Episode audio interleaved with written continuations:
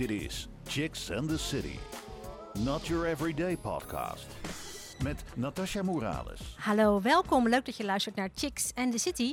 Let's talk about sex. In deze podcast gaan wij dit hete onderwerp niet uit de weg en praten wij met seksuoloog Laura Zuidervliet en schrijfster Sophie Roosendaal, die het boek heeft geschreven De Stilte in Bed. Dat is een boek dat gaat over haar seksuele ontdekkingstocht. Laura en Sophie, welkom. Dankjewel. Dag dames. Eventjes met de deur in huis. Waarom is het volgens jullie zo belangrijk om het onderwerp seks bespreekbaar te maken? Ja, begin jij maar, Ja, Sophie. ik begin- nou ja, ik, ik sta echt voor meer openheid, dat dat mag. Ehm, het heeft natuurlijk heel veel verschillende kanten, seksualiteit. En nog steeds eh, vinden heel veel mensen het moeilijk om daarover te praten. En eh, ik denk ook dat vrouwen ook nog steeds een inhaalslag hebben te, te doen om, eh, ja, om, om die seksuele vrijheid eh, te onderzoeken. En, en ik wil gewoon graag laten zien dat het mag, dat dat kan. Het hoeft niet, maar het mag wel. Je mag er open over zijn. En waarom is dat belangrijk? Ja, voor je eigen seksualiteit. Hm. Dat je je eigen grenzen leert kennen. Want dat maakt je ook sterker, maakt je weerbaarder. En natuurlijk ook om gewoon meer te genieten op een vrijere manier. Ja, dus eigenlijk ook om je, je eigen wensen meer te gaan leren Ja. kennen. Hè? We zien ook wel als je je wensen beter weet, dat je ook makkelijker je grenzen weet. Omdat je weet wat je wel wil, waardoor je ook makkelijker kan zeggen van nou, dit wil ik dus niet. En we zien vaak dat het heel vaak is gegaan over grenzen en over SOA's en over zwanger worden. Maar niet zozeer over wat wil je nou eigenlijk in bed. En dat mannen en vrouwen dat mogen gaan ontdekken. Dus Ja, zeker. ja, zeker ja. helemaal met je eens. Ja. Mhm. Heb je dan het, het, het idee, eh, Laura, dat zeg maar, eh, als het gaat om seksuele ontwikkeling en het ontdekken van wat je wel en niet fijn vindt en je grenzen daarin ook ontdekken, dat dat voor vrouwen lastiger is dan voor mannen? Ja, zeker. Echt waar? Dus mannen die, on- die ontwikkelen zich doorgaans eigenlijk wat gezonder op seksueel gebied? Is dat zo? Kan ik dat zo stellen? Ja, ja, inderdaad, in ieder geval meer open. Hè. Dus, dus ehm, bij jongens merk je dat zij opgroeien. En dat is ook biologisch, kun je dat ook terugzien. Dat zij zien altijd die piemel daar hangen. En ze zien als je in de puberteit komt dat hij hard wordt. Als je een leuk meisje ziet of een leuke jongen ziet.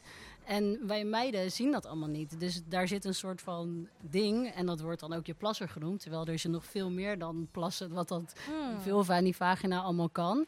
En wij leren niet zo goed koppelen van wanneer ehm, zien we iets aantrekkelijks en wat doet dat op seksueel gebied met ons. Hè? Dus we zien wel dat iemand knap is of iets, maar dat connectie leggen met die vulva en die clitoris en die seksuele gevoelens, dat is een stuk lastiger, biologisch al gezien. Hmm. Dus eigenlijk moeten meiden nog extra juist meer stimuleren om ehm, dat te gaan ontdekken. En we zien juist dat bij meisjes wordt er veel gepraat vanuit restricties. Dus vanuit ehm, Wat niet mag. van, wat niet mag, inderdaad.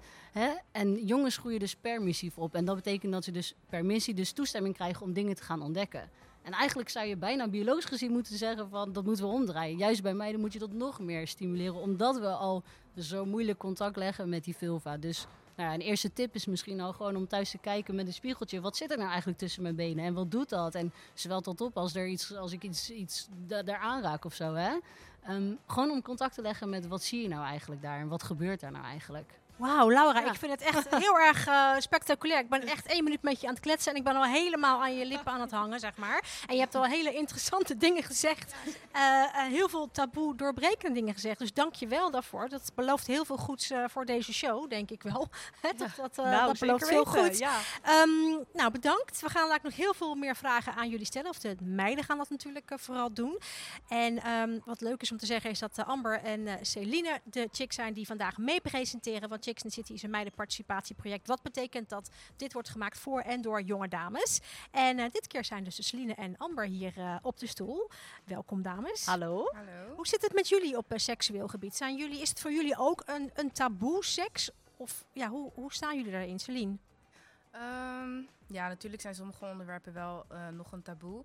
Maar persoonlijk kan ik wel makkelijk praten over seks. En dan moet ik wel zeggen, het is wel makkelijker om met je vriendinnen erover te praten dan bijvoorbeeld met een partner. Zeker weten, ja, ja.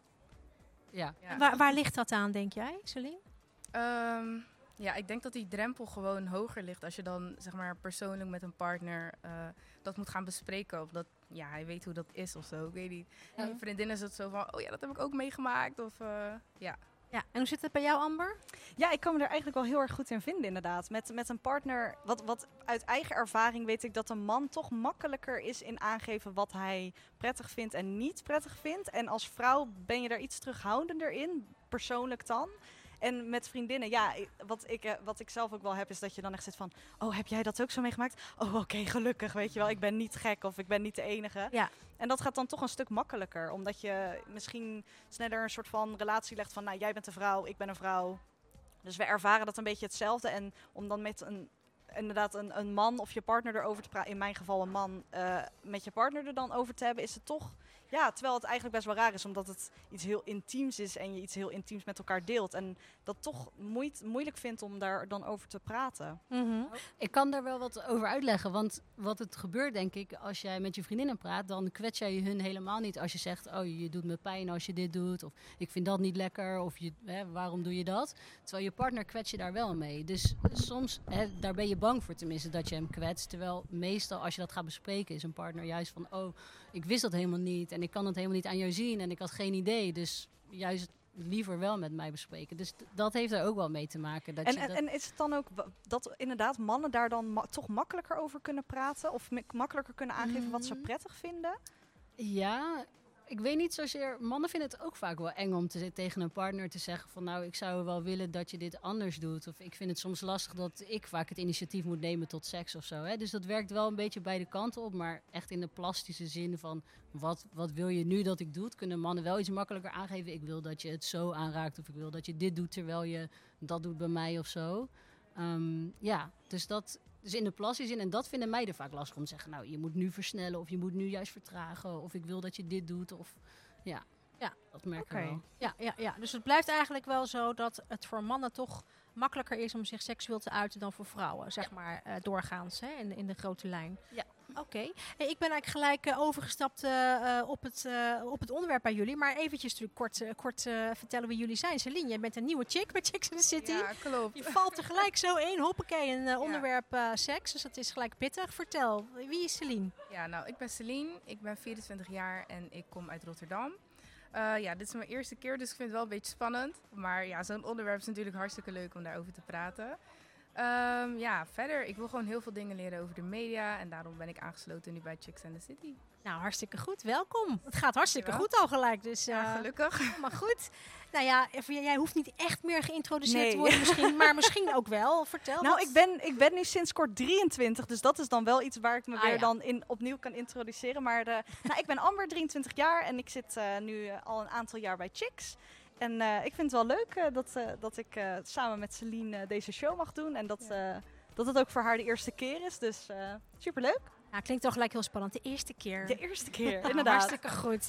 Ehm, in de zaal zitten leuke dames en heren mee te kijken. Deze podcast wordt met publiek opgenomen in Bibliotheek Rotterdam. Iedere woensdag tussen 6 en 7. Dus als je er een keertje bij wil zijn, check onze website chicksandcity.nl voor de planning. En wees welkom. En ja, ook tijdens lockdown zijn wij gewoon eh, online te zien natuurlijk. Op onze Facebookpagina dan eh, zijn wij ook eh, met onze livestream goed te zien. Zoals ook nu zeg maar. Je kunt ons vinden op Facebook, Rijmond Chicks of even zoeken op Chicks and the City. Als er mensen zijn in de zaal of online die vragen hebben, dan zullen we natuurlijk proberen deze vragen ook te beantwoorden. Wij willen ook graag van jou horen. Daarom heb jij in Ask the Audience de mogelijkheid om vragen te stellen aan jouw favoriete Chicks and the City gast. Misschien wordt jouw vraag wel beantwoord in onze volgende podcast. We verloten wekelijks ook leuke prijzen onder de mensen die gereageerd hebben. Je kunt een toffe DVD winnen van de meiden van Chica Radio en een Chicks and the City lipbalm. Ideaal voor de wintermaanden. Reageren kan. Ga naar Rijmond Chicks op Facebook of op Instagram. Chicks and the City Podcasts. Wil je weten wie er de volgende keer te gast is? Check het op chicksandthecity.nl. Je luistert naar Chicks and the City. Hier te gast Sophie Roosendaal van het boek De Stilte in Bed en Laura Zuidervliet. En eh, zij is seksuoloog. De dames hier in de studio die mee presenteren zijn Amber en Celine. En Amber, jij mag aftrappen. Yes. Nou, Sophie, mijn eerste vraag voor jou. Al in het eerste hoofdstuk van je boek bleef ik ademloos de bladzijdes omstaan. En ik wilde even voor de luisteraars die jouw boek niet hebben gelezen, even een tipje van de sluier geven, zodat ze een beetje een idee krijgen hoe jouw boek in elkaar zit. Dus oh, je gaat ga wel een even een, stukje lezen, ik ga een stukje Oeh, voorlezen. even ja. mijn zoele stem opzetten. Oké. Oké, ja. Dus Sophie, daar ben je dan, zegt hij op een onverwacht serieuze toon. Mijn naam klikt vreemd uit zijn mond. Moedig eigenlijk. Hij vouwt zijn handen samen. Zo voelde het ook toen ik hierheen kwam, biecht ik op. Dat snap ik. Heb je het aan iemand verteld? Nee, dus als niemand na vandaag nog iets van me hoort, weet geen mens waar te zoeken. Mooi zo, hij klinkt geamuseerd. Om eerlijk te zijn, had ik een plan. Ik wilde je eigenlijk grijpen bij binnenkomst. Met zijn handen maakt hij een bijbehorend gebaar. Ik kijk naar zijn brede, hoekige vingers en slik. Je meesleuren naar mijn slaapkamer en gelijk pakken, voegt hij eraan toe op onverstoorbare toon. Wat hield je tegen? vraag ik onbeholpen. Toen je aanbelde en ik zag je staan, zo fris, maar tegelijkertijd zo gespannen. Toen wilde ik je eerst op je gemak stellen. Zo'n actie leek me iets te bot. Je had het mogen doen, zeg ik dapper. Ja. Oké dan. Jeetje. En dit is het eerste hoofdstuk, hè, mensen? Dus Zo. Ja, dan snap ik wel dat je even met je tanden erin blijft. eh inderdaad. nou, ik- ja. ik vind het wel grappig om dan jouw reactie te zien terwijl Amber dat dan voorleest. Want dat, hoe, hoe, hoe is dat voor jou als iemand dan eh, iets voorleest wat, ja, wat jij hebt meegemaakt? Ja. Nu zoveel tijd later. Hoe, hoe, hoe is dat voor jou? Ja, het is inderdaad wel heel, een hele tijd later nu. Dus het, is, eh, het komt er allemaal naar boven nu. Maar je kan heel mooi voorlezen. Dus Dankjewel. ik, ik dacht even mijn zwoele stem op ja, echt heel, heel sterk gedaan. Dank je. Maar ik kreeg echt een beetje een soort Fifty Shades, gevo- eh, Fifty Shades of Grey gevoel af en toe. En ik moest mezelf er echt aan herinneren van, oh, dit is geen fictie. Ja. Heb je het gevoel dat mensen anders naar je kijken sinds het lezen, als ze het boek hebben gelezen? Eh, ja, ik was daar best wel bang voor, maar dat valt me echt alles mee. Ja, ik merk toch dat mensen het, het, toch fijn vinden als je open durft te zijn, meestal. En het boek, ehm, het, eh, wa- wat ook wel gebeurt, omdat je, ik me zo kwetsbaar heb laten zien, vinden mensen het ook makkelijker om zich kwetsbaar op te stellen naar mij toe. Dus eh, soms vertellen mensen mij ook hele persoonlijke dingen, of, of via e-mail bijvoorbeeld, maar ook in het echt. Dat er toch wel, eh, er, er zitten toch wel veel herkenbare dingen in het boek, ondanks dat het een heel persoonlijk verhaal is. En is dat ook een beetje de boodschap die je de lezer mee wil geven? Ja, zeker. En ik wilde ook heel graag een aantal eh, eh, echt, echt van, van die rolpatronen ontkrachten. Dus, dus dat de, de oudere man waar je nu over, over voorlas, dat dat een predator is die, die misbruik van me maakte. en ook over een eerdere relatie die ik had met gewoon een hele gezonde man. Dat mannen altijd alleen maar seks willen en daar geen moeite mee hebben. Eigenlijk dat soort dingen. Ehm, ik wilde ook heel graag de andere kant laten zien. Dus ja. Ja, en Lau, en dan ga ik even, want dat is wel leuk, want in je boek ga je dus ook inderdaad met je, je gezonde vriend, je gezonde relatie Ja. naar een seksuoloog op een gegeven moment, omdat jullie seks, seksrelatie niet heel gezond is. Nee. En we zitten natuurlijk ook met de seksuoloog, Laura. Tada. Wa- wa- want ja, in, in, in Sophie haar boek vertelt ze ook dat ze naar een seksuoloog gaat. Wat voor mensen zie jij zowel in, de, in jouw praktijk of komen bij jou langs? Dat is een goede vraag. Ehm, ik zie vooral, ik zie eigenlijk alleen maar volwassenen. En waar mensen mee komen is, nou ja, echt van alles. Ehm, dat kan zijn, nou ja, waar jij mee kwam inderdaad, Sophie. Van, goh, er loopt iets niet lekker. En meestal is dat, het kan zijn dat dat bijvoorbeeld verschil in verlangen is. Dus de een heeft meer zin dan de ander. Wat eigenlijk ook best normaal is. Maar soms kan het wel tot irritaties of vervelende gevoelens leiden. En daar hebben we het dan over. Maar kan ook zijn eh, erectieproblemen of pijn bij het vrijen. 25% van de meisjes heeft daar last van, dus dat zien we ook wel vaak. Maar ook eh, genderdysforie, dus mensen die eh, van geslacht eh, in een, een ander geslacht zich zo voelen. Ehm, ja, en, en ook bijvoorbeeld na, na misbruik, bijvoorbeeld van ja, hoe pak ik nu weer een gezonde seksuele relatie op? En nou ja, eigenlijk dat soort dingen allemaal. Ja. En, en zijn er ook gevallen waar, waar je eigenlijk niks mee kan? Dat mensen bij jou langskomen en dat je denkt, hier, ja, ik kan jou hier niet bij helpen? Ehm, nou, het is natuurlijk niet zo als je in behandeling komt dat we altijd, we hebben geen garantie. Kon ik dat maar geven, kon ik maar zeggen, wow, ik heb een toverstaf en boem, het is weg. Dat is helaas niet zo. Maar we gaan wel altijd kijken van, hè, wat, wat, wat speelt er nou? En soms kan het zijn dat we bijvoorbeeld zeggen, nou, je moet eerder met een andere psycholoog praten over andere soort dingetjes. Of een relatietherapeut, of... Ehm, en misschien, of juist, eh, misschien ben je wel heel eenzaam en zeggen we, nou, ga lekker maatschappelijk werk oppakken of iets in die richting. Ehm, dus ik zou zeggen, probeer het altijd. Dat wel. Oké, Ehm, want eh, weer even terug naar Sophie. Nou, wat je zo net al vertelde, in je, in je boek haal je eigenlijk twee verhalen aan. Inderdaad met de oudere man die een soort van jouw seksuele verlossing is. Eh, en dan, eh, ja, hij staat in het boek, dus ik noem hem ook even je buurman Jasper. Ja. Waarvan je denkt dat hij de grote liefde is van je leven. Ehm, waarom heb je ervoor gekozen om juist deze twee periodes uit je leven en deze twee relaties te beschrijven in je boek? Ja, omdat ze eh, allebei heel bepalend waren. Ehm, en, en ik heb zoveel, zoveel geleerd van beide relaties. En, en dat was zo'n zo'n contrast naast elkaar. Dat het me, ja, ik wilde er daarom echt heel graag iets mee doen. Uh, en dus ja, vooral, ja, het gaat dus over mijn zoektocht naar seksuele vrijheid en uh, naar sensualiteit en sowieso naar seksualiteit. Ik denk dat we allemaal wel zo'n zoektocht doorlopen. En ja, het, ik, ik hoopte eigenlijk door, door dit boek te schrijven dat, uh, ja, om te laten zien hoe dat bij mij ging. En dus ook ja, dat, dat, dat mensen bepaalde dingen zouden kunnen herkennen. Ja, want, ja, want tijdens het schrijven lijkt het. Ik, wat ik zelf tijdens het lezen had, was dat het, ik het gevoel had dat ik, dat ik twee verhalen van twee heel andere personen aan het lezen was. Had je dat zelf ook een beetje dat je het opschreef en dacht: oh, ik lijkt wel een ander persoon in beide verhalen. Ja, ja, zeker. Maar ik, ik denk, uh, ja, je, je, leert natuurlijk ook gewoon veel door de jaren. Dat zullen we ook allemaal hebben. En ik heb heel veel aan dagboeken gehad. Um, ik schrijf al jarenlang, echt, echt vanaf dat ik kan schrijven eigenlijk, houd ik dagboeken bij. En zonder die dagboeken had ik dit ook niet kunnen schrijven. Want dan had ik niet zo diep terug kunnen gaan in uh, wie ik was. Dat is ook een tip eigenlijk.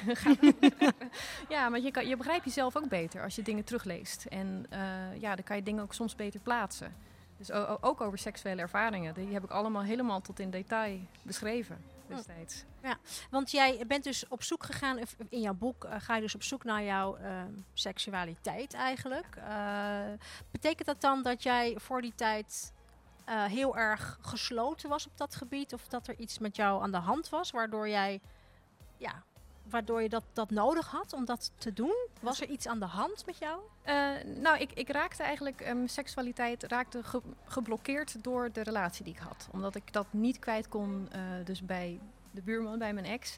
Um, er waren gewoon verschillende issues die ik dus ook, ook beschrijf in het boek. Maar ik ben me heel erg gaan schamen voor mijn seksualiteit. En daardoor heel erg op slot komen te zitten. En ik heb toen dus een ander extreem nodig gehad, dus de oudere man, om daar echt van los te komen. En uh, er komen ook dingen in voor uit mijn verleden. Ik, ja, ik heb ook dingen meegemaakt die achteraf echt niet oké okay waren, maar die je op dat moment niet zo ervaart. En ook dat uh, haal ik wel aan in dit boek. Van hmm. waar dingen soms mis kunnen gaan zonder dat je het op dat moment beseft. Hmm, en dan nu, als je nu achteraf gezien het boek is geschreven, je bent uh, al een tijdje verder. Ehm, ben je nu seksueel verlost? Heb je nu het, het idee van, ja, um, dit is hoe ik moet zijn? Of, of is, er, is, is het een, een, een weg? Is het nog iets waar je uh, mee bezig bent? Uh, nou, ik, ik, ik, voel me eigenlijk wel, wel verlost, moet ik zeggen. Ja, ja, ja, ja. Het is, het is, um, ik heb ook echt wel die tijd met de oudere man nodig gehad. Dus om mijn grenzen op te zoeken en er ook, ben er ook overheen gegaan. Mm -hmm. uh, en en nu, nu heb ik het gevoel dat ik heel erg in mijn element ben. Ook meer dan ik ooit in mijn leven ben geweest. Oh, wat mooi. Ja. Wat goed. Wat goed. En, en Laura, ik vroeg me even af van de mensen die dan naar jou toe komen voor hulp. Um, vraag me een beetje af waar de grens dan ligt. Hè? Uh, want je zegt ook van soms dan komen we erachter dat je beter naar een psycholoog moet of dat je beter naar een relatietherapeut moet. Um, is het niet eigenlijk altijd zo dat je eerst aan de relatie moet werken voordat je aan seks met elkaar kunt werken? Of is er een kip en het ei verhaal in dit geval? Wat ja. komt er eerst? Nou, um, de basis Um, als er veiligheid in je relatie niet goed zit, of het bespreken van kwetsbare onderwerpen, dan zien we ook wel dat dat op seksualiteitsgebied gaat wringen. En soms komen mensen erachter doordat ze beginnen bij seksualiteit. En dan zien wij van wauw, die veiligheid in je relatie om jezelf te kunnen uiten, om je wensen te kunnen uiten, uh, om juist die schaamte ook te benoemen. Um, als dat op andere gebieden ook niet kan, uh, dan merken we wel dat dat, dat wel een invloed erop kan hebben. Um, maar of het een kip of een ei is, dat weet ik niet. Het is in ieder geval een wisselwerking, ja. Dat ja. wel. Ja. ja. Dus het een kan ook niet helemaal zonder het ander misschien. Nee. Of het heeft met elkaar te maken. Ja, precies. Ja. En we zien wel dat, eigenlijk hoe jij het ook beschrijft, hè, Sophie, dat elke relatie triggert iets anders in jou, in je seksualiteit. Dus je seksleven is ook eigenlijk nooit echt af. Ik, ik vind het heel tof wat je zegt inderdaad, dat je verlost bent. Dat gevoel inderdaad. Um, maar ja, je ontdekt elke keer met elke partner weer iets nieuws, zeg maar.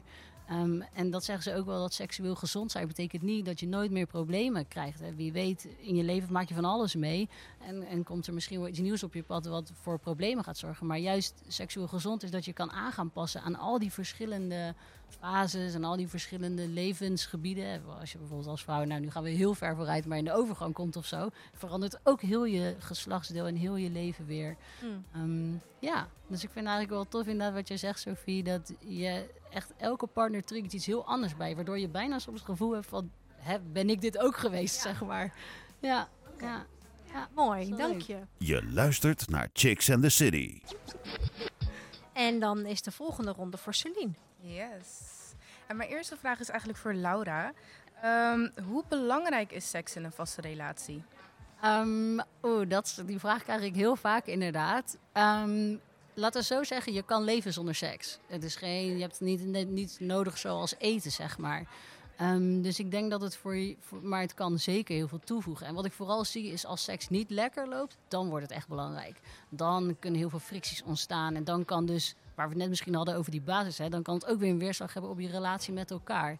Dus ik denk dat het voor heel veel mensen is het ook bijvoorbeeld niet zo heel belangrijk. En er zijn ook genoeg relaties waarin mensen heel weinig seks hebben of geen seks en dat ze daar helemaal oké mee zijn. Ik denk het belangrijkste is dat je bespreekt met elkaar van hoe belangrijk is het voor mij, hoe belangrijk is het voor jou en waar doen we een beetje water bij de wijn, hoe kunnen we zin maken, hoe kunnen we elkaar opwinden um, en dat je op die manier in met elkaar in gesprek gaat daarover. Ja. ja. Dus voor iedereen verschilt dat eigenlijk. Eigenlijk wel, ja. ja. Het is soms bijna een beetje een taboe dat seks belangrijk is. En als je geen seks hebt, dat je relatie dan slecht is of zo. Ja. Um, dat is bijna ook iets, of, of dat mannen denken, of dat je altijd denkt, wat jij ook zei, na Sofie, dat mannen altijd zin hebben in seks of zo. Ja, dat is ook helemaal niet waar. Er zijn zoveel mannen die dat ook helemaal niet hebben, zeg maar. Um, ja. Oké, okay.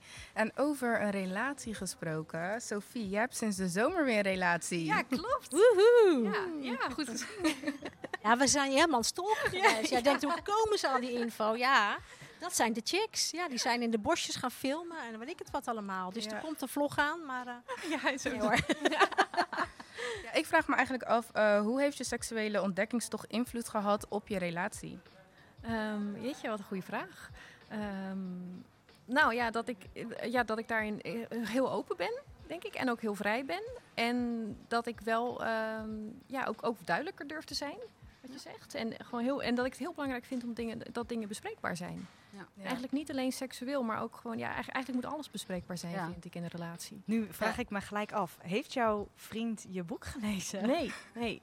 Wil hij dat lezen? Of? Ja, ik, ik denk het nog niet. En ik, ik vind het ook niet erg als hij het niet gaat lezen, eigenlijk. Nee, want ik denk, ik ben, kijk, het is natuurlijk mijn vriend, dus het is natuurlijk best wel pijnlijk, denk ik, sommige stukken die je leest. En ja. het is dan ook wel moeilijk misschien om daar afstand van te nemen, dat dat niet meer nu is, maar dat het is geweest.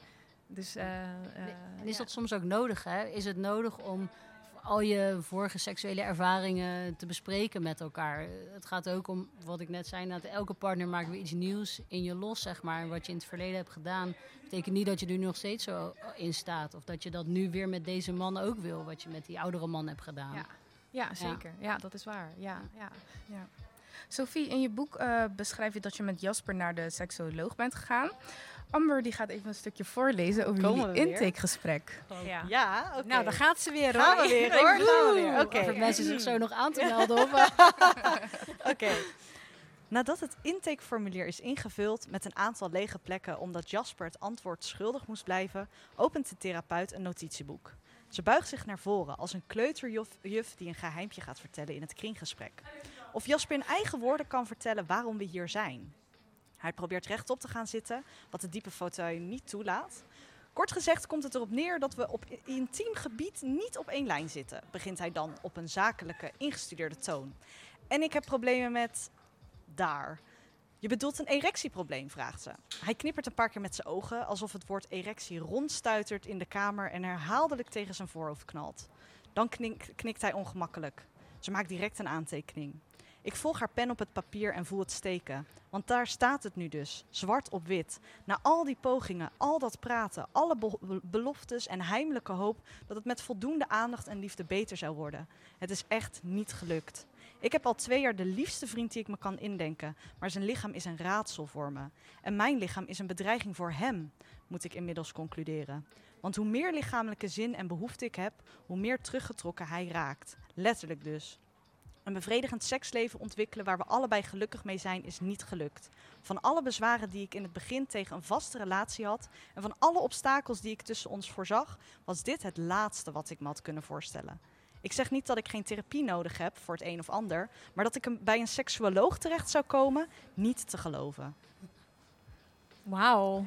Ja, ja. ja, dat is ook wel heel confronterend misschien om nu te horen.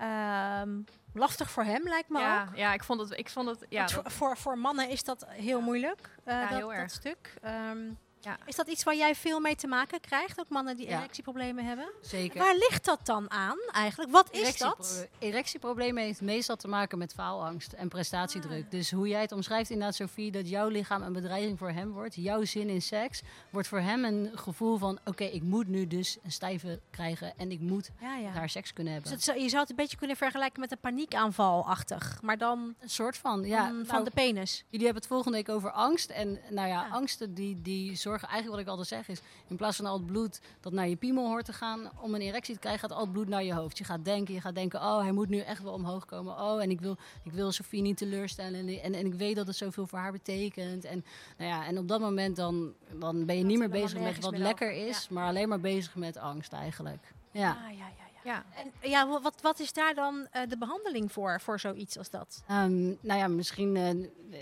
je mag me aanvullen inderdaad, Sofie, maar wat wij meestal aanraden, waar we mee aan de slag gaan, is eh, het uitdagen van die gedachten. Is dat zo dat je iemand zou gaan verlaten hiervoor?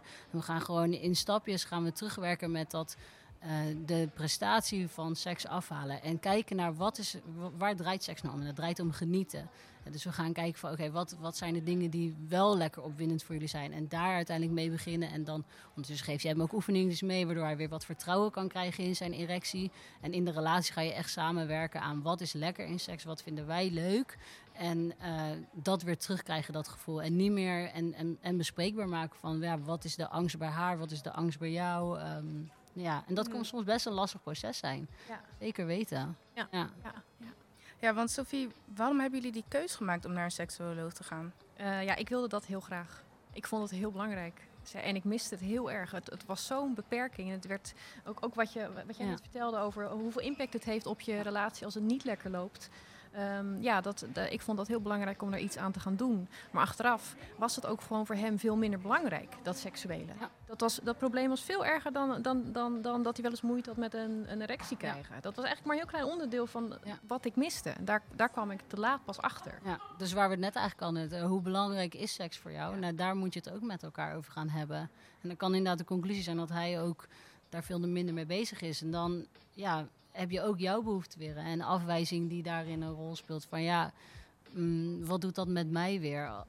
Als iemand zegt dat hij niet zo seksueel opgewonden van jou is of zo. Ja, dat is hè? verschrikkelijk. Ja, dat is verschrikkelijk, ja. ja. En dat horen we van heel veel cliënten. Net als dat intakegesprek, hoe jij het omschrijft, dit gebeurt altijd. Nou, dit gebeurt niet altijd, maar dat is echt heel normaal. Dat het zo spannend is om dan onder woorden te gaan brengen waar je voor komt. En, en zeker als er schaamte bij zit, of, of het gevoel dat je hebt gefaald, of het gevoel dat je de ander teleurstelt. Dan is het echt heel erg wennen om dat te gaan bespreken. En ja, dan zie ik dat soms ook inderdaad hoe partners dan zo met elkaar zitten daarvan oh, wat moet ik nu zeggen? En eh, ja, dat is echt heel normaal eigenlijk. Oké, Ja. gelukkig. Ja, Te horen en met terugwerkende kracht toch? ja, ja, nou. Ja. Ja, ja. Chicks and the City. Pot verdikken me. Ja, de pat verdikken me. Een ehm gênante bekentenis of iets waar je aan hebt geërgerd of iets waarvan je denkt van, oh, dat heb ik weer. Heb jij er een? Nou, eh, nou, ik heb er wel één inderdaad. Dat was op mijn werk. Ehm, wat ik net zei, werken dus ook met mensen, eh, de transgender mensen. En ik had een cliënt en bij ons, dan sta je bij de gemeente bijvoorbeeld nog ingeschreven met man of vrouw. Terwijl je daar helemaal niet mee identificeert. En bij PsyQ nemen we dat dus over. Ehm, en ik was naar het secretariaat gegaan van, goh, ehm, zouden we dat kunnen veranderen in het dossier van een cliënt? En toen zei dus de secretaresse daarvan, ja, nou ja, dat is wel iets waar mensen mee moeten gaan leren dealen. Hè? Dat, eh, ja, dat is dan toch, ja, dat is toch jammer voor die persoon. En, en ik dacht, zat er echt zo van, oh shit, wat moet ik nou zeggen? En toen ben ik dus weggelopen. Maar ik dacht echt bij mezelf, ja, daarom zitten mensen bij mij in therapie. Omdat andere mensen dus zeggen, ja, daar moet jij maar mee leren dealen. Ja. Dus dat Dan gebeurt echt- het ook bij een Ja, eh, instelling die zou moeten helpen, zeg Precies. maar. Ja, ja, ja. dus ja, toen ja. dacht ik echt, inderdaad wel, potverdikke me, dit is echt niet oké. En eh, En wat heb je toen gedaan? nou, Je lijkt me wel een type die dan zegt van, hé, hey, wacht even, dan gaan we even veranderen. Ja, nou, eh, ik heb eerst met een collega zitten bespreken van, oh, wat, van, hè, wat gebeurde er nou? En toen heb ik er dus uiteindelijk niks meer echt iets van gezegd. Maar ik heb wel in het dossier dus laten opnemen dat de aanspreekvorm en dat de cliënt dus zich niet identifice- identificeerde met dat eh, geslacht. Maar ik had inderdaad echt terug willen gaan en willen zeggen van, hé, hey, luister eens even, je werkt hier en met deze afdeling en... eh, daar moeten we het echt over gaan hebben. Ja. Dus het staat nog steeds op mijn agenda. Ik heb het gevoel dat het nog gaat komen. Ja. Laura, jij gaat Ja, er nog deze wat mee doen. Boom. Ik voor ga jou veel te pittig eh, om het te laten varen, zeg maar. Ja. Dat idee heb ik wel. Nou, bedankt voor de... We gaan ervoor. Ik vind het een goede pot verdikken Ja, ik ook, trouwens. Ja, het is echt een, eh, een hele goede. Ik vroeg me even af. Ik wil even een momentje nemen om, eh, als er mensen zijn uit het publiek die hier aanwezig is, die vragen hebben. Zijn er mensen die vragen hebben? Die iets eh, aan bijvoorbeeld aan de seksuoloog willen vragen, aan Laura. Of misschien aan, eh, aan Sophie, dat zou ook nog kunnen. Dan, eh, dan mag dat. Dan mag je op het belletje drukken daar, want we hebben een belletje. En dan mag je daar bij de microfoon je vraag stellen. Ook als je zegt van ik, ik heb er dadelijk één, dan eh, schroom niet, loop even naar het belletje toe en druk op het belletje als je vragen hebt. Ik kijk even naar mijn redactiemeiden. Zijn er vragen van eh, internet, van eh, online? Oké, eh, dan mogen jullie eh, naar eh, de microfoon toe lopen en eh, de vraag of vragen voorlezen. Ja, er komen nu dus eh, wat dames deze kant op. Om eh, wat vragen die dus uit eh, de livestream, want we zijn nu ook live op Facebook. eh Rijnmond Chicks, dus eh, eh, als je vragen hebt, dan kan je je vragen stellen. Vertel, Aida, wat zijn de vragen? Wie, wie vraagt het? En, van Erwin hebben we een vraagje. Oké, ja. Hij zegt het gezegde: de man houdt van een vrouw waar hij mee vrijt. De vrouw vrijt met de man waar zij van houdt. Daar zijn we het toch allemaal mee eens, of niet? Dat is even een nadenkertje. Ja, Wacht even, de man... Ik ben trouwens bang, mijn broertje heet Erwin, dat dit mijn broertje is. Ik vrees dat het een andere Erwin is, maar... eh,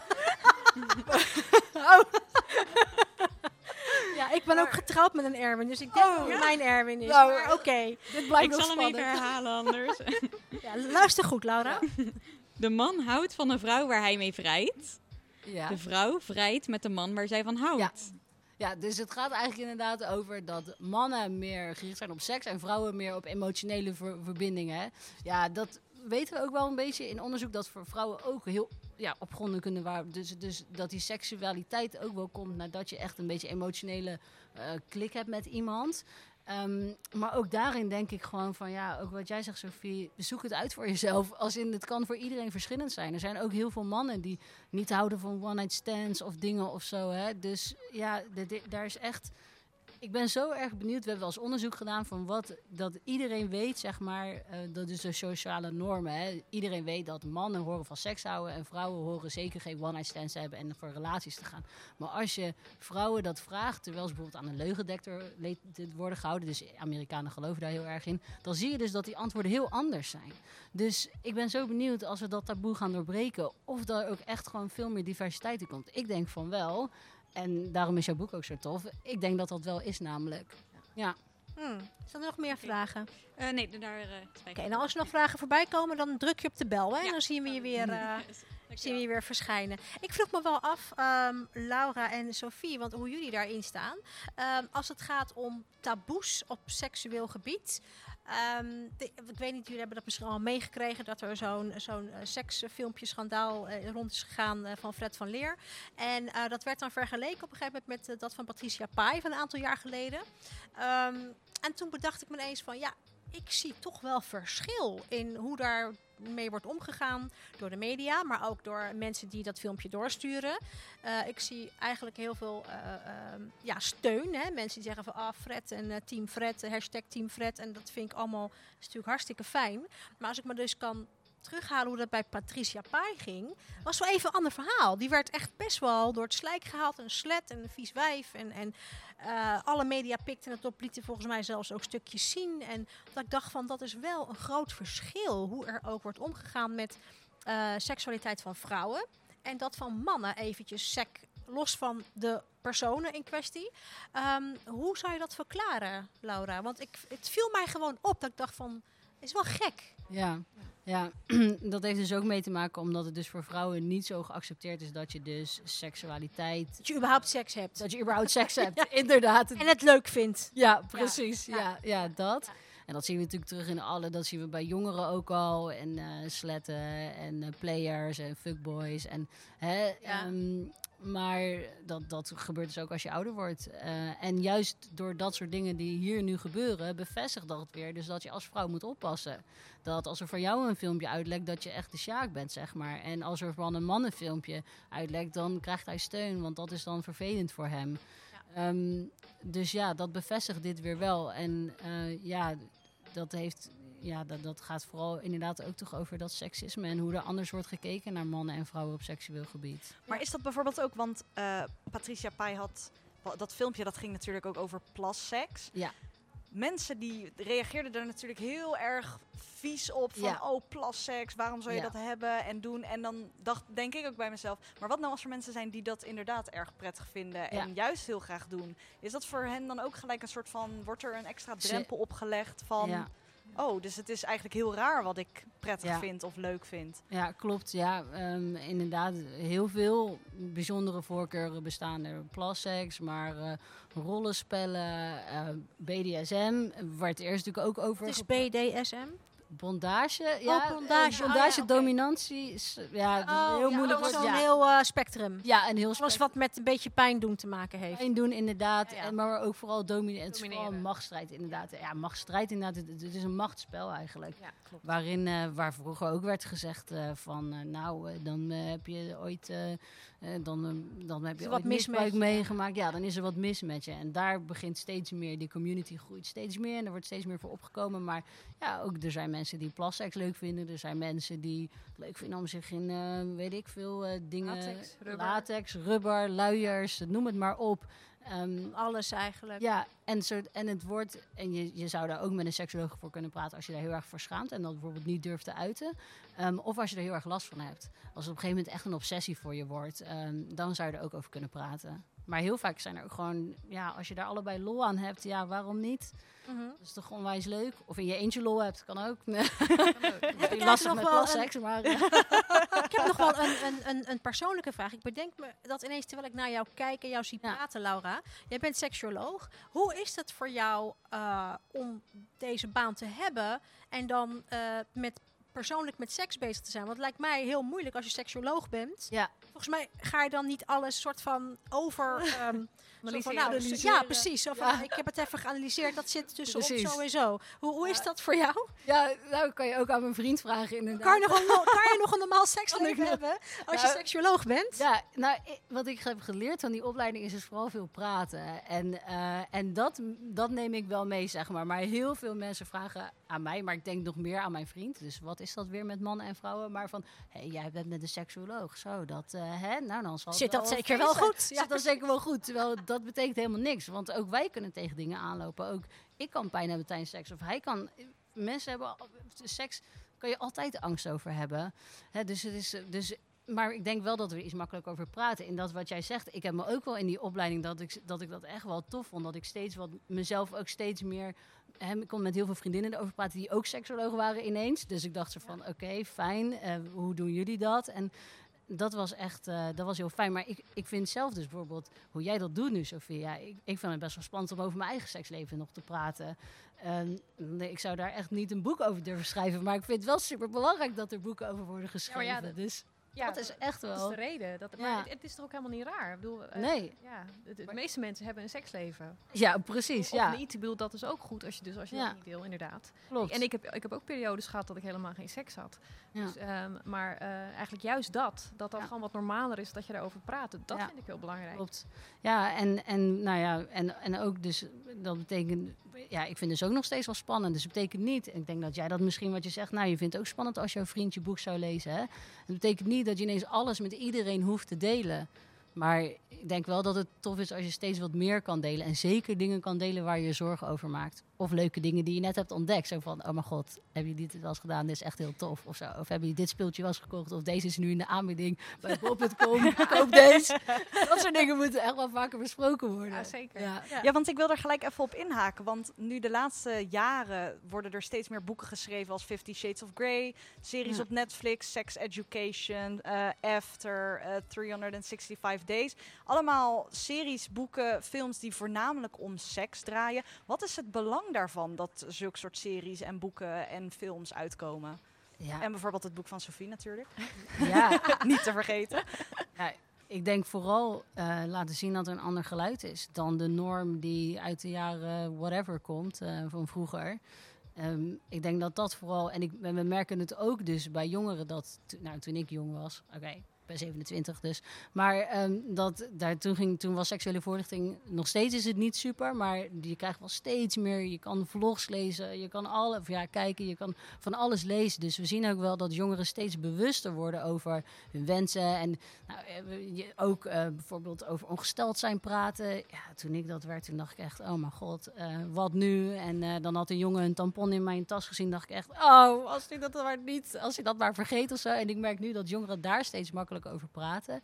Maar jongeren worden ook steeds wat preutser. Ja, wou ik net vragen, want Ja. er is ook een nieuwe, sprake van een nieuwe preutsheid. in. Precies, omdat dus alles op Instagram en zo perfect lijkt. Hè? En als je natuurlijk zoveel plaatjes ziet van perfecte lijven, van mensen die allemaal eh, vrij en, en super en top, eh, en kan dat ook heel veel druk geven. Heel veel druk dus juist om weer te presteren en om dus, ehm, ja, om dus eh, mooi te zijn of een druk om dus eh, altijd, eh, nou ja, een lekker seksleven te hebben.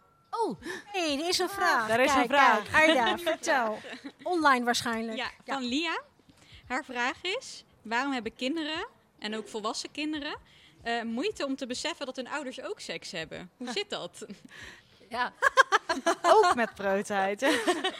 Ook met preutsheid. Ja, hoe zit dat? Ehm, ik denk dat dat ook... Soms wil je ook niet weten dat je... ou- Ja, hoe, ja, hoe zit dat eigenlijk?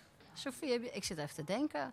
Ik denk dat dat misschien te maken heeft dat het iets is wat, wat sowieso oudere mensen doen. Dat je soms denkt, eeuw, seks en oudere mensen. Want ik merk wel misschien als mensen wat ouder worden... dat het dan wat makkelijker is om over je ouders te praten van... oh, heb jij dit ook wel eens gehad?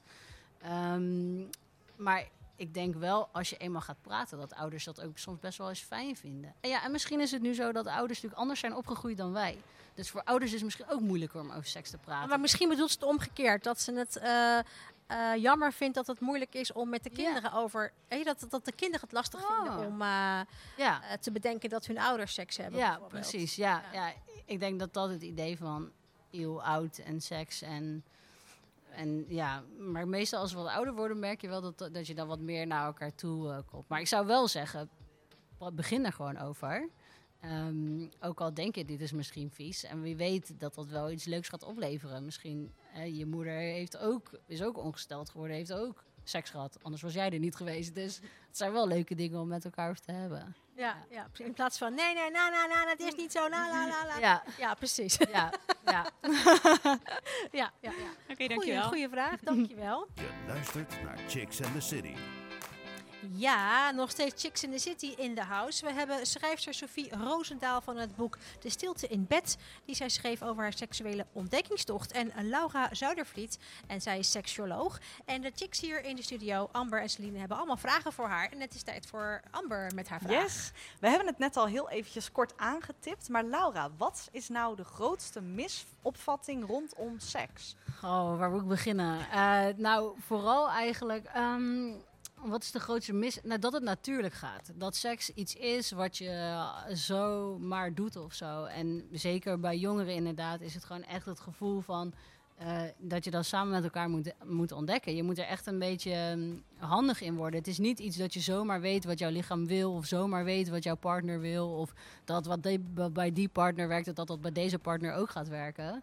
Ehm, dus ja, dat is denk ik wel de grootste misvatting. Waar eigenlijk alles onder valt. Dat het, dat het zomaar natuurlijk is of zo. Ja.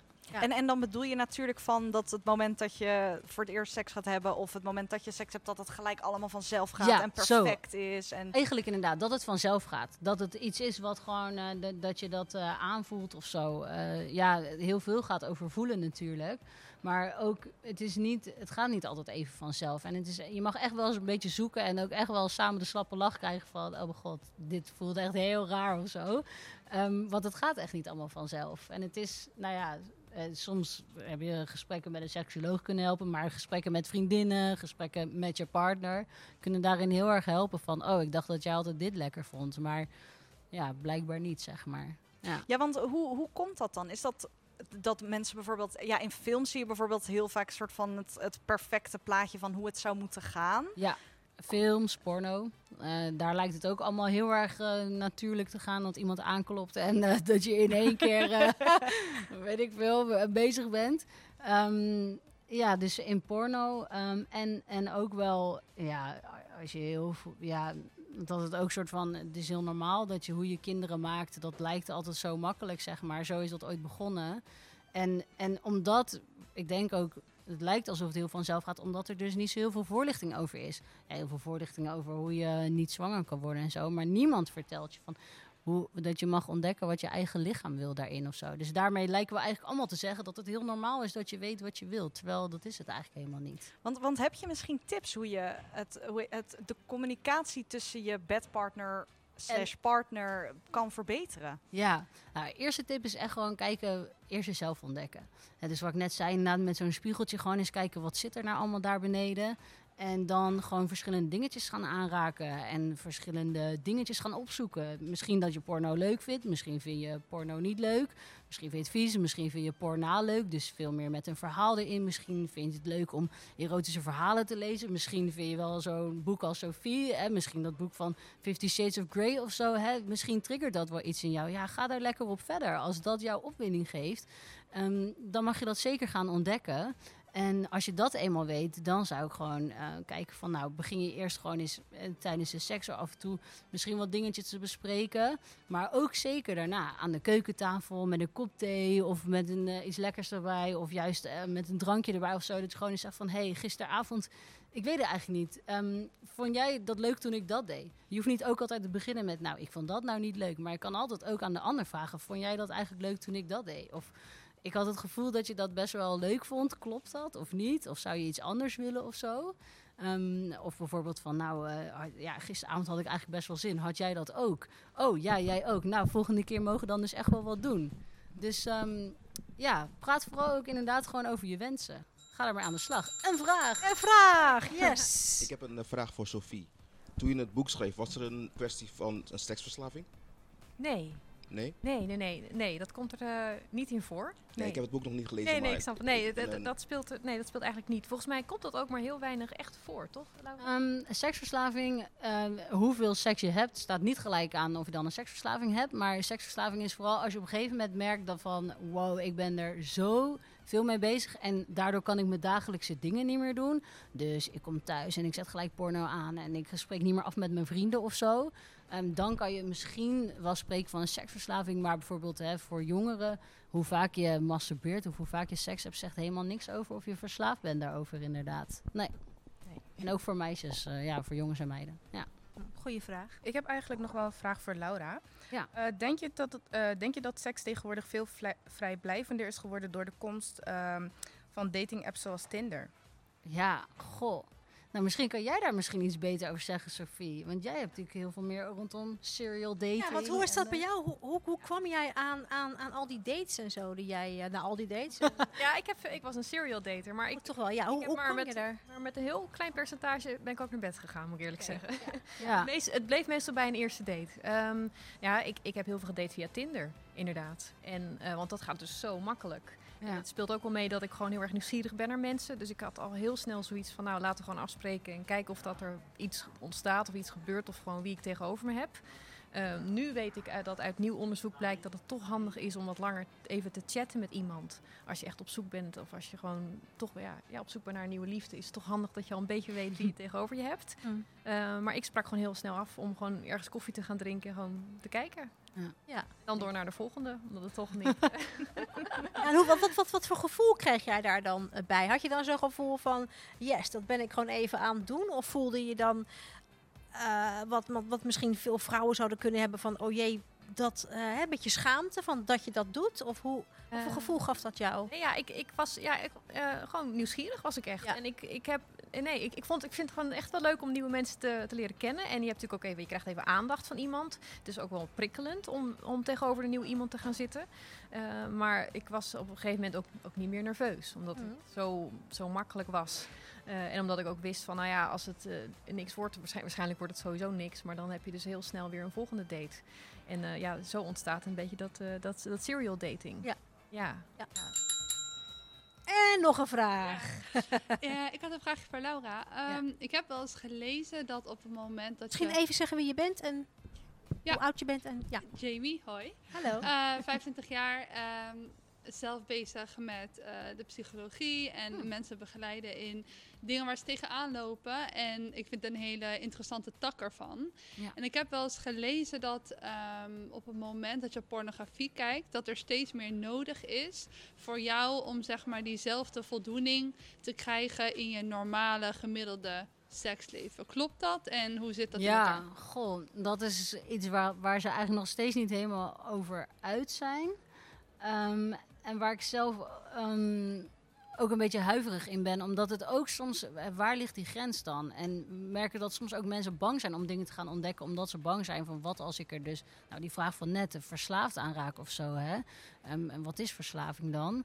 Ehm, het kan wel zo zijn dat je op een gegeven moment, als je elke keer bijvoorbeeld dezelfde soort filmpjes kijkt, dat je dan een beetje een bepaald gevoel, een voorkeur gaat krijgen voor dat filmpje. En dat dat dan, of voor wat er bijvoorbeeld in afspeelt, bijvoorbeeld rondom plasseks of zo. We weten bijvoorbeeld wel, als je veel die filmpjes zou kunnen kijken, dat je daardoor een soort van, ja, een soort van getriggerd wordt van, nou, dit wint mij op. Omdat je elke keer een orgasme krijgt daarop en dat geeft een lekker gevoel van, oh, dit is dus iets goeds. Ehm, en dat kan ook met porno natuurlijk zo zijn als je elke keer porno gebruikt om, om opgewonden te worden, dat je eigenlijk steeds porno nodig gaat hebben. Ehm, maar daarin denk ik dat het dus leuk is om af te wisselen tussen porno, verhalen lezen, zonder porno masturberen, met een partner. En we zien ook bijvoorbeeld zodra je dan weer een partner hebt, dat eigenlijk masturberen en partnerseks zijn totaal, die, die vervullen totaal verschillende behoeften. Dus masturberen is meer gericht op orgasme en met een partner seks hebben is ook heel erg gericht op intimiteit beleven met elkaar en elkaar teasen en nou, richting BDSM een beetje elkaar eh, de ander opgeilen zeg maar. Ehm, en dan zie je wel dat dat effect van porno een beetje afneemt. En, en ook wat je denkt van, oh nou in porno is dit normaal. Als mensen eenmaal een relatie krijgen en daarover gaan praten, zie je dat mensen heel snel denken, oh dit is dus helemaal niet normaal. Oké, goed om te weten. Dus ik zou zeggen, ehm, het kan zo zijn dat je op een gegeven moment heel erg gewend raakt aan porno en dat nodig gaat blijven houden. Maar dat betekent niet dat je de rest van je leven eraan vastzit. Dat je als je een beetje verschillende dingen gaat opzoeken en jezelf opnieuw leert met andere dingen te masturberen, gewoon met je fantasieën of zo, dat dat effect wel afneemt. Ja. Dus niet alsof jij zeg maar in gesprekken met cliënten dat je het afraadt of gewoon meerdere dingen proberen. Ja, klopt. Oké, interessant. Ik raad het zeker niet af, inderdaad. Zeker bij mensen die het nog nooit hebben gedaan, dus raad ik het juist aan. En nou, ik zie wel eens mannen of vrouwen voor seksverslaving ook. Ehm, en daarbij gaan we ook niet werken aan bijvoorbeeld dat je nooit meer porno gaat kijken. Daarbij gaan we juist heel erg werken over van, nou, wat geeft je nou wel voldoening in het leven? Waar ben je wel trots op, zeg maar? En ga daar lekker meer van doen. En dan zie je, als je steeds meer eigenwaarde krijgt, dat je ook minder geneigd bent om naar die porno te gaan zoeken. Want heel vaak mensen hebben dan porno als een vlucht van, oh shit, heel, ah, vandaag weer zo'n roldag gehad. Nou, even lekker, even lekker mijn verstand op nul, porno kijken en een lekker gevoel van masturberen. En als je dat op een gegeven moment zo vaak eh, dat gevoel krijgt, ehm, dan ben je bijna niet meer echt trots op jezelf. Omdat je denkt, nou, zie ik weer porno te kijken. Ik heb dat met chocola trouwens. Ik Oh, doe dat ik heel ook. erg met chocola. Ja, dat is inderdaad ook mijn porno, ja, chocola. Precies, ja. dat is mijn porno ook, ja. en daar probeer ik mezelf ook af en toe dan te denken van... nee, ga nou even iets anders doen waar je wel een goed gevoel van krijgt. Ja. Ja. Ja, nou, ik krijg een goed gevoel hoor, als ik het in mijn mond stop. Alleen daarna, ja, dan denk je van, oh, wat heb ik gedaan? Die Lega Milka reep zie je denk ik echt... oh, Ja, ja, ja, nee. dat hè. Ja. Zo onnodig. Dankjewel. Maar zo lekker. Dankjewel. Zijn er nog meer vragen, dames? Ehm, ja, we hadden het er net al een beetje over. ehm, maar waarom is het eigenlijk belangrijk om je verlangens en je seksualiteit te onderzoeken? Ja. En wat heb je zelf ontdekt? Dat vraag ik me ook af. Of Ja, zo- Sophie, maakt niet uit. Ja. Ik denk Sophie, ja. Oké, eh, nou het is eh, ook, ook ja, wat we net al zeiden. Het is ook gewoon heel belangrijk dat je weet wat je wil. Zodat je dus ook kenbaar kan maken als je iets niet wil. En dat je je ook niet zomaar over laat halen. Ehm, en, eh, en, en ik denk dat het ook gewoon extra verdieping aan je seksualiteit kan geven. Misschien wel gewoon aan, aan, Aan je leven, Ja, en, ja. en aan ook de, eh, de, de, de band die je zelf met je lijf hebt. Dat je comfortabel bent met je lijf. Eh, en het houdt dingen ook gewoon leuk, spannend, prikkelend. Het Ja. heel leuk om dat te onderzoeken, denk ik. Want wat is dan iets wat je zelf hebt eh, ontdekt? Eh, ja, dat ik ook. Misschien iets wat, wat jou heeft verbaasd. Dat je zegt van, goh, nou, dat, dat had ik maar niet achter mezelf gezocht in eerste instantie. Eh, nou, dat, dat was al eh, dat ik dus een, een, ja, de, de oudere man überhaupt. Dat was al, eh, ik wist helemaal niet dat ik ook op oudere mannen kon vallen. En het was ook een hele dominante man. En ik, eh, ik, ik ben helemaal geen onderdanig type. maar dat, eh, ik heb dat op dat moment toch heel erg nodig gehad. Eh, en ja, dus ja, wel een, een duistere kant heb ik wel. Inderdaad, wel richting BDSM. En, eh, en, en, en ik, ik denk dat het komt omdat ik ik ben heel beheerst en ik ben ook heel erg in controle altijd. Ik voel me heel, eh, heel onafhankelijk, heel zelfstandig. En het kan me daardoor denk ik toch juist wel ook wel heel erg opwinden als wel in bed je die, die, die, ja, de macht wordt ontnomen. Maar het moet natuurlijk wel met de juiste persoon zijn. Het moet wel iemand zijn die je volledig kan vertrouwen en die je ook volledig kent. Dus dat het nooit uit de hand loopt. Dat maar het kan heel bevrijdend zijn als je alles loslaat en, eh, en, en Hmm. daar een beetje mee experimenteert. Al die grenzen los. Ja, die grenzen los. belemmeringen, al die... Ja, eh, Ja, ja, ja, ja, ja, ja. ja.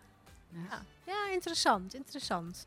Dames, nog meer vragen misschien? Of mensen uit het Ehm, publiek nog dingetjes? Nou, waar, waar, wat, waar ik ook nog wel benieuwd naar ben. eh, Laura, heb jij misschien, want je had het net al een beetje aangekaart van eh, praat er ook met je vriendinnen over. Heb jij tips en adviezen om het gesprek misschien soort van, hoe, hoe begin je dan zo'n gesprek met vriendinnen Beetje over vriendinnen. seks? Of, Ja, nou, ik heb makkelijk, want allemaal, veel vriendinnen zijn seksuologen, maar ik zit een helaas hebben wij dat niet Jij allemaal. even geluk. Ja, nou, ga leuke seksologen zoeken. Nee, ehm, wat wij, ja, maar wa- wat ik daarin heb geleerd met die meiden is gewoon om me gewoon te bespreken over.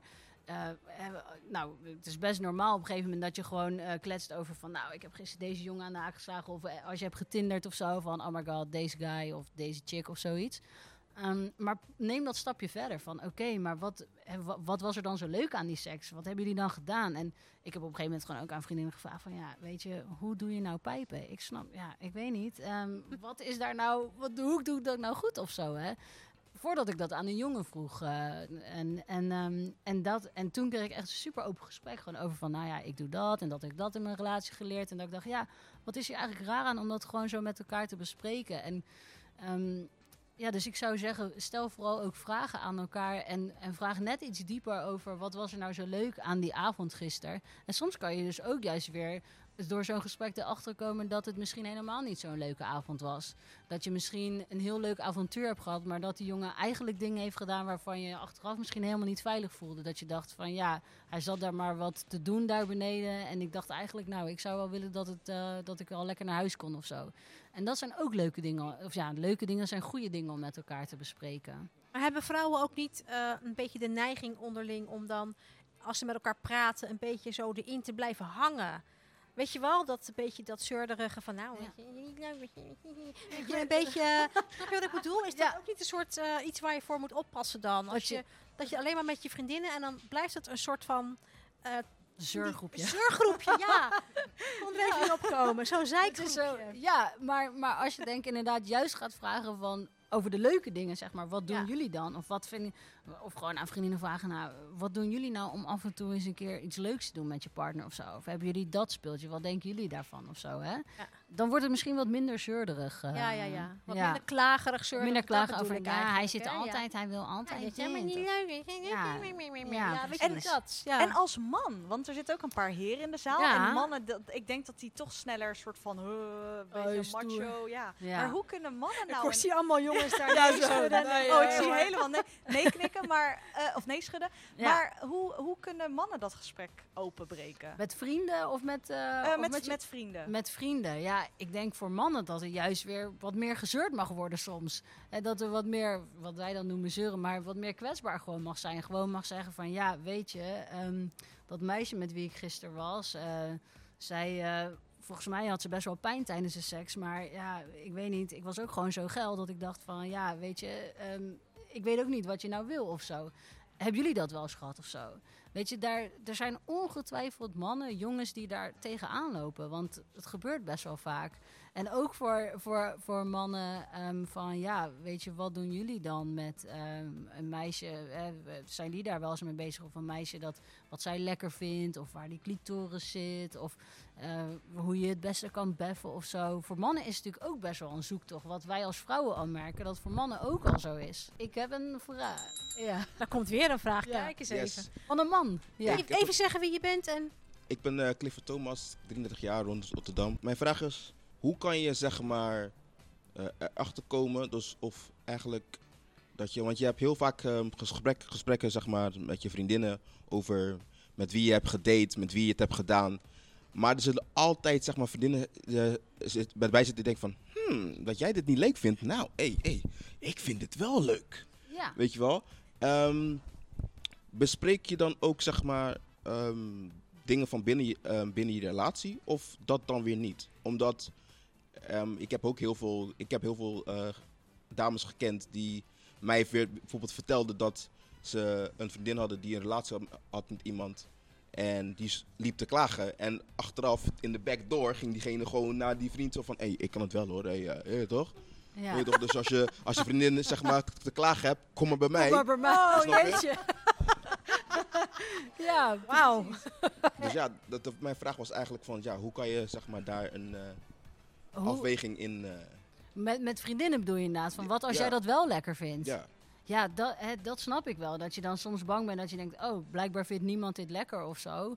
Eh, ja, nee, ik vind dat ook niet lekker of zo. Ja, blijf vooral eerlijk en open, zeg maar, met elkaar. Ik denk dat dat het belangrijkste is. Ehm, en wees niet bang, want het gaat natuurlijk ook veel over angst, dat je anders bent of dat wat jij denkt dat het raar is. Want ik zeg wel eens tegen mensen, ik zou iedereen hier wel eens een keer een dagje met mij mee willen laten lopen in mijn werk. En je zal echt zien dat er, dat zoveel dingen normaal zijn, juist omdat alles anders is.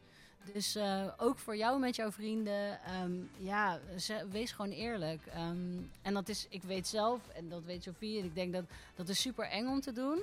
Ehm, maar uiteindelijk, ja, krijg je daardoor wel een goed gesprek. En eh, ben je wel true aan jezelf, zeg maar. Ja. En dan, ho- hoe vaak heb je het gehad, zeg maar, eh, dat je dus mensen zeg maar, bij jou op spreekuur hebben gehad die dat hebben, dus hebben meegemaakt? Dat ze dus zeg maar open en bloot zeg maar, eh, vertelden wat ze dus ervaarden in de slaapkamer. ja. En dat ze dus zeg maar eigenlijk met een vriend of vriendin er vandoor gingen. Ja, ehm, nou dat heb ik niet heel vaak meegemaakt. Maar dat komt ook misschien omdat mensen daar niet zo makkelijk naar een seksoloog daarvoor durven te stappen. Hè? Ehm, ja, ik denk dat het ook goed is om het daar dan weer over te hebben van... hé, hey, ehm, wa- waarom... ik ben open, we hebben het hier over vertrouwen. En in één keer ga je er vandoor met, eh, met mijn chick of zo. Ja, dat, ook daar mag je open over zijn. Dat dat best wel kwetsend is natuurlijk. Ja. Maar het klinkt alsof het niet echt dan een goede vriend is als die dat doet, lijkt nee, mij. dat toch? sowieso niet. Ja. Maar ja, weet je, Je bent daarom- ook geen vrienden da- daarom, daarom vind ik zoiets van, kijk, je kan open en bloot zeg maar, zijn eh, tegenover je vrienden. Maar je moet Ja. denk ik wel, zeg maar, wel een beetje kijken van wat welke je zegt. vrienden? wat je Ja. zegt, zeg maar, de inhoud ervan en, en met wie. Snap Ja. je? Mhm. Ik bedoel van, Dat vind ik een goede inderdaad. Ja, Ja. zeker. Ja, terecht. Dat is een hele, hele goede vraag. Dat is ook wat Sofie net zei. Je moet wel inderdaad veilig en vertrouwd zijn bij Ja. iemand. Ja. Dat is heel belangrijk, vertrouwen. Ja. ook in vriendschappen. Dit is Chicks and the City. Not your everyday podcast. Nou, we zijn alweer bij het einde gekomen van deze podcast. Ik vond het echt super gezellig, jongens.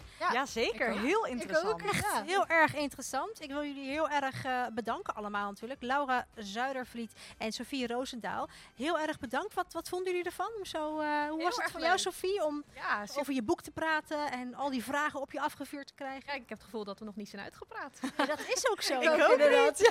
Is ook zo. Dat is ook zo. En hoe vond jij het, Laura? Ja, superleuk. Het is echt, eh, ja, ik vond het echt heel leuk. En heel veel vragen. En, eh, Ja, ja, leuk publiek erbij ook. Super gezellig. Echt dankjewel ook allemaal voor jullie komst. En jullie vragen ook. Echt eh, helemaal top. Sophie, jij zei, ik heb het gevoel dat ik nog niet uitgepraat ben. Is er iets wat je zegt van, dat wil ik eigenlijk nog even kwijt? Of die tip wil ik nog meegeven? Ik heb die hele ontdekkingsreis seksueel heb ik, eh, eh, gehad. En dit wil ik meegeven aan de vrouwen en mannen die... Of jonge vrouwen en jonge mannen die luisteren. Ja, dat je dus echt jezelf mag zijn. Dat is gewoon het allerbelangrijkste. Of dat je nou heel veel behoefte hebt of, dus, of heel weinig behoefte hebt aan seks, dat is ook prima. En eh, ja, durf daar trouw aan te zijn, ook wat je net zei. Eigenlijk is dat, dat altijd het belangrijkste, Ja. denk ik. Ja. Ja, Ja. Wees niet bang voor de afwijzing of dat Ja. je raar bent of anders bent. Eh, iedereen is daar anders in. Ja. Ja, Ja. ja. Ja, maar dat is een goede, goede tip. Volgens mij is het een gedeelde tip, heb ik het zo het idee. hè? zeker. Ja, ja. En ik heb ook idee dat jullie nog wel vaker elkaar gaan horen en spreken. Ja, dat hoop een het. Leuke klik. Dus volgens mij, eh, misschien is er nog een samenwerking ergens, eh, in het verschiet, toch? Jij gaat in ieder geval binnenkort iets zeggen tegen die eh, mevrouw achter Ja. de balie. Zeker weten. Want dat zit jou dwars, dat zie ik zo. ik vond het heel erg leuk van jullie. Dank jullie wel. Ja. Echt super tof. Eh, Laura Zoudervliet en Sofie Roosendaal dat jullie hier eh, aanwezig wilden zijn. De chicks die mee gepresenteerd hebben, Celine. En Amber, dankjewel. Vonden jullie het? Ja, superleuk. Al, ik, ik wil ook bij, dat ges, bij die Oh, gesprekken jij wil aanwezig erbij, zijn. bij dat netwerkclubje. Ja. Oh ja, ik snap ik het. echt, eh, ik vond het super interessant en eh, ja, ook echt heel leuk om erover te praten en toch een beetje dat taboe ook te doorbreken. En eh, ja, ik, ik blijf aan de lippen van deze dames hangen. Dus, Ja, eh, ja, ja, ja, precies. Volgens mij ga jij het boek gewoon nog een keer lezen. ik ga het nog een keer lezen. Dat idee heb ik ook. Dat denk ik ook. En ik ga op spreekuur bij Laura. Ja, precies. Gewoon met dat boek erbij. Met Zo dat van. Sophie doet het zo. Dat wil ik, Ik wil ook. dit ook. Celine, dit was je eerste show. Hoe ging het? Ja, wel goed. Ik zat echt aandachtig te luisteren gewoon. Ja, nou, je hebt het hartstikke Ja. goed gedaan. Ik vind dat Ja. we allemaal even mogen applaudisseren voor Celine, haar eerste show. Woehoe! Yes! Dankjewel. Hartstikke goed gedaan, Celine. En eh, wat vond je ervan om dit onderwerp zo te doen? Ja, leuk. Ik heb het boek van Sophie heb ik besteld. Hey, Dus ik kan niet wachten om eh, naar huis te gaan en om te gaan lezen. kijk aan. Nou, je gaat er ook maar een beetje wat over vloggen en zo op onze Radio Chicks. Dan, Klopt, eh, ja. Dan komt dat goed. Nou, heel erg bedankt allemaal. Ehm, regie en livestream werd gedaan door Ashanti, Suzanne, eh, Quincy en Aida. En techniek werd gedaan door Stefano. Mijn naam is Natasja Morales en ik zou zeggen tot de volgende podcast. Vond het heel gezellig met je. Ciao! Chicks and the City. Volg ons op Instagram, Chicks and the City Podcasts. Like ons op facebook.com slash. De volgende show? Lees het op chicksandthecity.nl